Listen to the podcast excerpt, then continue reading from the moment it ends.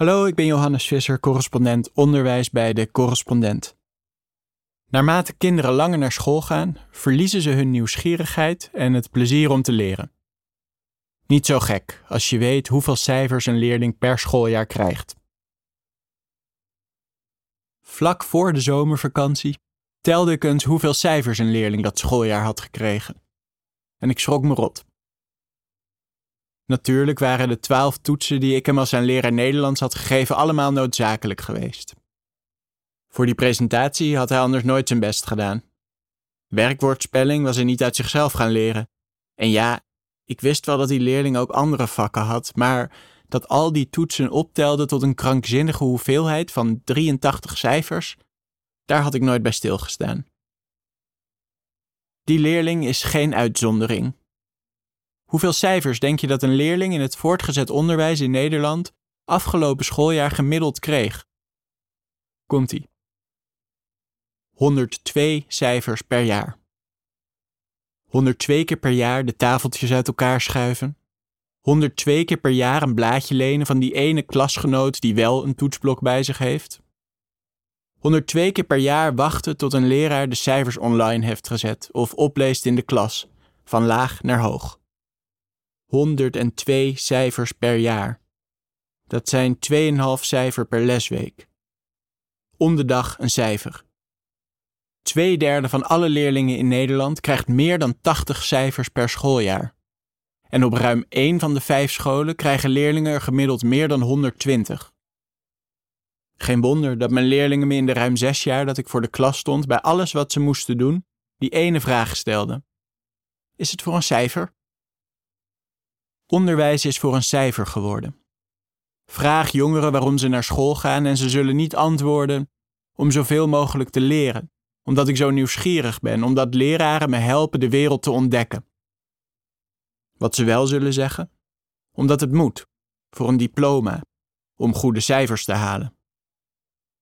Volgens het Landelijk Actiecomité Scholieren, het LAX, hebben leerlingen te lijden onder een ongezonde focus op toetsen en cijfers. Ik citeer: Scholieren rollen van de ene toets naar de andere en zitten te stressen of ze wel genoeg geleerd hebben. Als de toets voorbij is, is de stof snel weer vergeten en leert de scholier dus alleen voor een cijfer, niet om de stof te onthouden of toe te passen.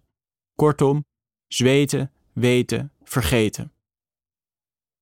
Naarmate kinderen langer naar school gaan, verliezen ze hun intrinsieke motivatie, de nieuwsgierigheid en het plezier om te leren zonder dat er een externe beloning tegenover staat. En die afnemende intrinsieke motivatie van leerling is deels te verklaren door de cijferdictatuur in het onderwijs, waarin een leerling per schooljaar 102 cijfers kan krijgen. Hoe dat zit? Het onderzoek daarnaar begon zo'n 50 jaar geleden. In 1971 deed de Amerikaanse psycholoog Edward Dacey een belangrijk experiment dat onze ideeën over motivatie op zijn kop zou zetten. Tot die tijd was de heersende gedachte onder psychologen dat intrinsieke motivatie en motivatie op basis van beloningen en straffen geen invloed op elkaar hadden. En dat motivatie simpelweg de som was van die twee. Als iemand intrinsiek gemotiveerd was en ergens een beloning voor kreeg, kon dat geen kwaad, dachten ze. Als die beloning weggenomen zou worden, zou diegene weer net zo intrinsiek gemotiveerd zijn als voordat hij die beloning kreeg. Zo geloofden psychologen. De extrinsieke motivatie die beloningen opleverde, zou er gewoon een extraatje zijn, bovenop de intrinsieke motivatie. Daisy had er zo zijn twijfels bij. Wat hij wilde weten was: kan een beloning iemands intrinsieke motivatie ook beïnvloeden? Om dat te onderzoeken gaf hij proefpersonen een Soma-kubus om mee te spelen. Zo'n kubus bestaat uit zeven puzzelstukken waar de proefpersonen heel veel verschillende figuren, waaronder een kubus, konden maken. Deze proefpersonen kwamen aan een tafel tegenover een onderzoeker te zitten, waar naast zo'n kubus ook de New Yorker, Time Magazine en een Playboy op lagen. Ze kregen drie ronden na elkaar de opdracht om zoveel mogelijk figuren te maken met de puzzelstukken van de kubus. De eerste ronde waren de condities voor alle proefpersonen hetzelfde. Maar tijdens de tweede ronde zei de onderzoeker tegen een deel van de proefpersonen dat ze voor ieder figuur dat ze namaakten een dollar zouden krijgen. Terwijl andere proefpersonen helemaal niets te horen kregen over een beloning. Na een paar minuten stond de onderzoeker op, zogenaamd omdat hij onderzoeksdata in de computer moest zetten. Ik ben een paar minuten weg. Voel je vrij te doen wat je wilt, zei hij dan. Stiekem draaide het experiment om wat proefpersonen in die vrije tijd zouden doen. Want dat, beargumenteerde Daisy, zou intrinsiek gemotiveerd zijn. Zouden ze meer puzzels gaan maken, naar de muur staren of de Playboy pakken? En zou er een verschil zijn tussen de proefpersonen die er een dollar voor kregen en de proefpersonen die niets over een beloning hadden gehoord? Van achter een spiegelwand observeerde Daisy het gedrag van zijn proefpersonen. Wat er tijdens die tweede ronde gebeurde verbaasde hem niet. Proefpersonen die een dollar kregen per figuur dat ze maakten, besteden een stuk meer tijd aan de kubus, oftewel, bleek weer, beloningen motiveren. Maar tijdens de derde ronde gebeurde iets opmerkelijks. De onderzoeker zei tegen de proefpersonen die eerder een dollar per figuur hadden gekregen dat ze er nu geen beloning meer voor zouden krijgen. En wat bleek? Zonder beloning in het vooruitzicht besteden ze nauwelijks nog tijd aan de kubus. Hun intrinsieke motivatie kelderde. Maar proefpersonen die nooit iets te horen hadden gekregen over een beloning besteden juist iedere ronde meer tijd aan het maken van de figuren. Een teken dat ze steeds intrinsiek gemotiveerder raken. Oftewel, zo liet Daisy voor het eerst zien, een beloning van buitenaf kan een negatieve invloed hebben op de intrinsieke motivatie. Daisy's experiment was het begin van tientallen jaren onderzoek naar het effect van beloningen op motivatie. Want, wilde Daisy en tal van andere wetenschappers weten, hoe kan het dat beloningen niet goed zijn voor de intrinsieke motivatie? Welke psychologische processen gaan erachter schuil? Samen met psycholoog Richard Ryan ontwikkelde Edward Dacey in de jaren daarna een belangrijke theorie over motivatie. De zelfdeterminatietheorie. In die theorie is intrinsieke motivatie, wanneer mensen dus dingen doen uit interesse of omdat ze er plezier aan beleven, de hoogste vorm van motivatie.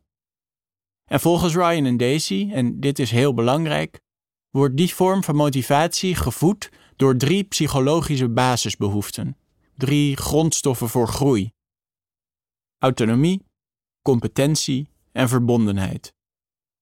Met andere woorden, wie zich voldoende vrij voelt om zijn eigen keuzes te maken, autonomie. Wie het gevoel heeft dat hij goed is in wat hij doet en dat hij er beter in kan worden, competentie. En wie voelt dat wat hij doet in verbinding staat met anderen, verbondenheid, is waarschijnlijk sterk intrinsiek gemotiveerd. Waar ook ter wereld willen mensen voldoende in die drie behoeften bevredigd worden. Need satisfaction heet dat. En raken ze gedemotiveerd als ze daarin worden tegengewerkt. Need frustration. Hoe zit het dan met het effect van toetscijfers op de intrinsieke motivatie van leerlingen? Die cijfers, zeggen wetenschappers, kunnen de intrinsieke motivatie in theorie op twee manieren beïnvloeden.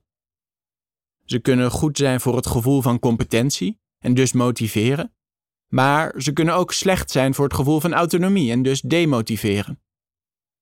Welke van de twee de boventoon voert, heeft te maken met hoe leerlingen een cijfer interpreteren. Ervaren ze het cijfer als een manier waarop een leraar feedback geeft die hun laat zien waar ze goed in zijn of waar ze beter in kunnen worden, dan is dat goed voor hun intrinsieke motivatie. Ervaren ze het daarentegen als een middel waarmee een leraar druk uitoefent om iets gedaan te krijgen, dan is dat juist funest voor hun intrinsieke motivatie. Met die theorie in handen onderzochten wetenschappers afgelopen decennia het effect van schoolcijfers op de intrinsieke motivatie van leerlingen. In een van die experimenten lieten onderzoekers leerlingen anagrammen oplossen. Eén groep kreeg er geen cijfer voor, een andere groep wel. De onderzoekers wilden weten hoe interessant leerlingen de oefeningen vonden kort nadat ze die gemaakt hadden en hoe gemotiveerd ze bleven op de lange termijn. Wat bleek? Leerlingen die geen cijfer of een hoog cijfer kregen, vonden de oefening interessanter dan de leerlingen die lagere cijfers kregen. Maar die interesse van leerlingen met een hoog cijfer was maar van korte duur. Leerlingen die geen cijfer kregen, gaven bijvoorbeeld vaker aan wel wat anagrammen mee naar huis te willen nemen. Een teken van intrinsieke motivatie. In een ander onderzoek kregen leerlingen uit 31 verschillende klassen twee lessen lichamelijke opvoeding. Een gewone les en eentje waarin ze een cijfer kregen voor hun motorische vaardigheid. Daaruit bleek dat leerlingen minder intrinsiek gemotiveerd waren tijdens de les voor een cijfer en vaker niet mee wilden doen. Ze ervoeren meer externe druk en angst. Die verschillen konden volgens de onderzoekers verklaard worden vanuit de theorie over de drie psychologische basisbehoeften, de drie grondstoffen voor groei. Leerlingen die de les voor een cijfer volgden, gaven aan onvoldoende vrijheid te voelen, het gevoel te hebben dat ze niet konden voldoen aan wat er van hen verwacht werd, en zich niet verbonden te voelen met anderen. Ze voelden meer druk om te presteren, waren banger om afgewezen te worden door medeleerlingen en hadden een sterker gevoel van falen. Daar is wel een kanttekening bij te plaatsen. Sommig onderzoek laat zien dat cijfers niet zo slecht hoeven te zijn of zelfs positief bij kunnen dragen aan de drie psychologische basisbehoeften. Dat is met name zo wanneer een leraar duidelijke doelen stelt en veel feedback geeft terwijl leerlingen leren.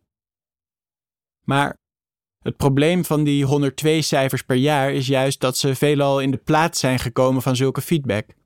Daar is geen tijd voor. Daarom zijn al die cijfers juist nodig. Daarover meer in het boekje dat ik schreef. In een recente overzichtsstudie uit 2020 concluderen Ryan en Daisy dan ook dat motivatie door middel van externe beloningen, zoals cijfers, over het algemeen averechts werkt en juist tot een lagere kwaliteit van motivatie leidt. Cijfers worden door leerlingen niet ervaren als feedback, maar als controlemiddel, dat hen vooral laat weten waar ze staan ten opzichte van hun klasgenoten. 102 cijfers per jaar zijn het symbool van onderwijs waarin autonomie verandert in controle, competentie in faalangst en verbondenheid in competitie. In het ergste geval leidt die cijferdictatuur tot amotivatie, in de terminologie van Ryan en Daisy. Een volledig gebrek aan motivatie dat in klaslokalen, volgens de twee psychologen, maar al te vanzelfsprekend is en dat een sterke negatieve invloed heeft op welzijn en leren. Want, blijkt ook uit onderzoek, intrinsieke motivatie is een belangrijke voorspeller voor schoolsucces. Toch is er hoop. Bij alles wat een leraar uitlegt, stellen leerlingen die ene vraag: Is het voor een cijfer? Is het niet voor een cijfer? Dan luisteren leerlingen ook niet meer, zou je zeggen. Dus zijn die cijfers nodig om leerlingen aan het leren te krijgen. Maar ik zag iets anders in mijn lessen. Is iets niet voor een cijfer, dan ontspannen leerlingen. Voor de ene leerling betekent die ontspanning inderdaad dat zij stopt met luisteren, maar voor de andere leerling is het juist het begin van iets. Die leerling zoekt een antwoord op de vraag: waarom zou ik opletten als het niet voor een cijfer is? Vind ik dit zelf belangrijk om te leren of misschien zelfs leuk? Een vraag waar geen antwoordmodel het juiste antwoord op heeft. En waar dus, gelukkig maar, geen cijfer op te plakken is. Bedankt voor het luisteren. Over dit onderwerp is natuurlijk nog veel meer te vertellen. Daarom heb ik een boek geschreven. Is het voor een cijfer? Het ligt net in de winkel en is ook te bestellen op decorrespondent.nl schuine streep is het voor een cijfer. De correspondent bestaat 10 jaar. Al tien jaar maken wij journalistiek voorbij de waan van de dag. Journalistiek die niet polariseert, maar perspectief biedt. Die geen ophef najaagt, maar oplossingen zoekt. Wist je dat de correspondent 100% door leden wordt gefinancierd? Dat betekent dat we ons werk alleen kunnen doen als luisteraars zoals jij ons steunen. Word vandaag nog lid. En draag bij aan diepgravende, Advertentievrije en onafhankelijke journalistiek. Ga naar decorrespondent.nl en word lid.